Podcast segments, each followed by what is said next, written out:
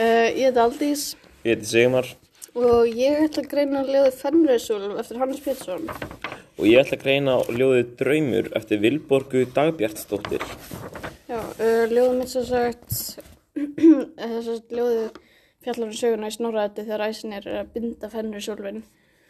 Ljóðið kom út árið 1962 og það kemur fram með ljóðan hvernig gleitni brast og hversu erfitt það er að fjötra úlfin.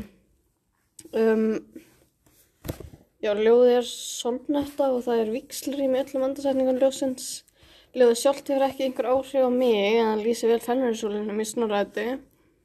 Uh, ég valdi þetta ljóðið þetta er bara mjög áhugaverk ljóð og ljóðið er um Fenrisúlfin og þá get ég fengið hugmyndur um ljóðið hvernig ljóðið tengist Fenrisúlinum. Hvað finnst þér um Fennisól sem mannesku? Sem mannesku. Já, Getum ekki mikið sagt að hann sem mannvera en, en hann er...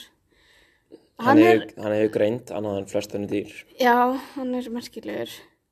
Hann er svolítið merkilegur. En ég bara byrja ljóðið. Uh, enna nýju úlsins heita gín opið, skín í vargsins rauðakók, býð þar til þráðum vopna dýn, þoka nær hins báði endalók.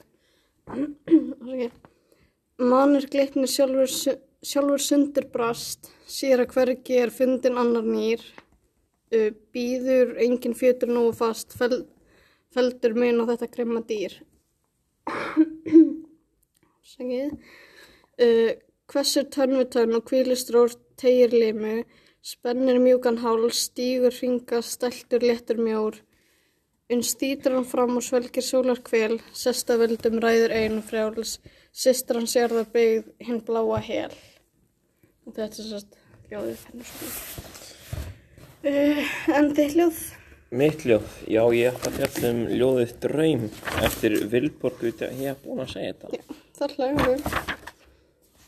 Já, uh, ljóðið Draumur, mér finnst það vera svolítið áhugavert. Það, það er svona komment á hvernig að henni Vilborgu okkar líður eins og að karlar vilja neitt annað með henni heldur um kynlíf sem ég finnst það mjög áhugavert sem að það er svona þú veist hvernig allavega ég, ég skil ljóðir þegar hún segir rann þá upp fyrir mér að jafnvel óðinn sjálfur á ekki nefn, nema eitt erindi við konur. Já, konur er þá bara karlmanns Já.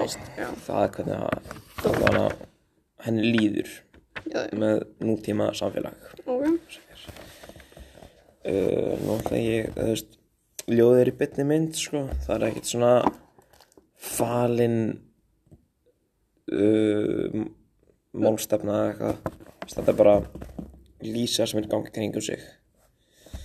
Já, nú ætla ég að flytja ljóðið. Mér þótti ég stödd á eyri eða nesi lá vegur af eyrar lá vegur af eyrar oddanum austanverðum á ströndinni en efrað tókuðu klettabelti. Aldrei hef ég hvorki í svefninni vöku séð út yflislegra útflislegra landslag. Fokk að ég. Sigmar, Gekk ég, það er hægt að- það er hægt að klippa það. ok, Gekk ég sem, lá, sem leið lá norður tangan með hafið á aðra hönd en hamra veggin á hina. Sá ég hvar maður kom á móti mér í nokkuri fjarlægð.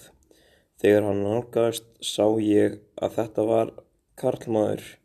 Mikill vexti klættur stuttum gráum stakki með dökkan hatt. Slútti annað barðið svo það huldi nær hálft andlitið.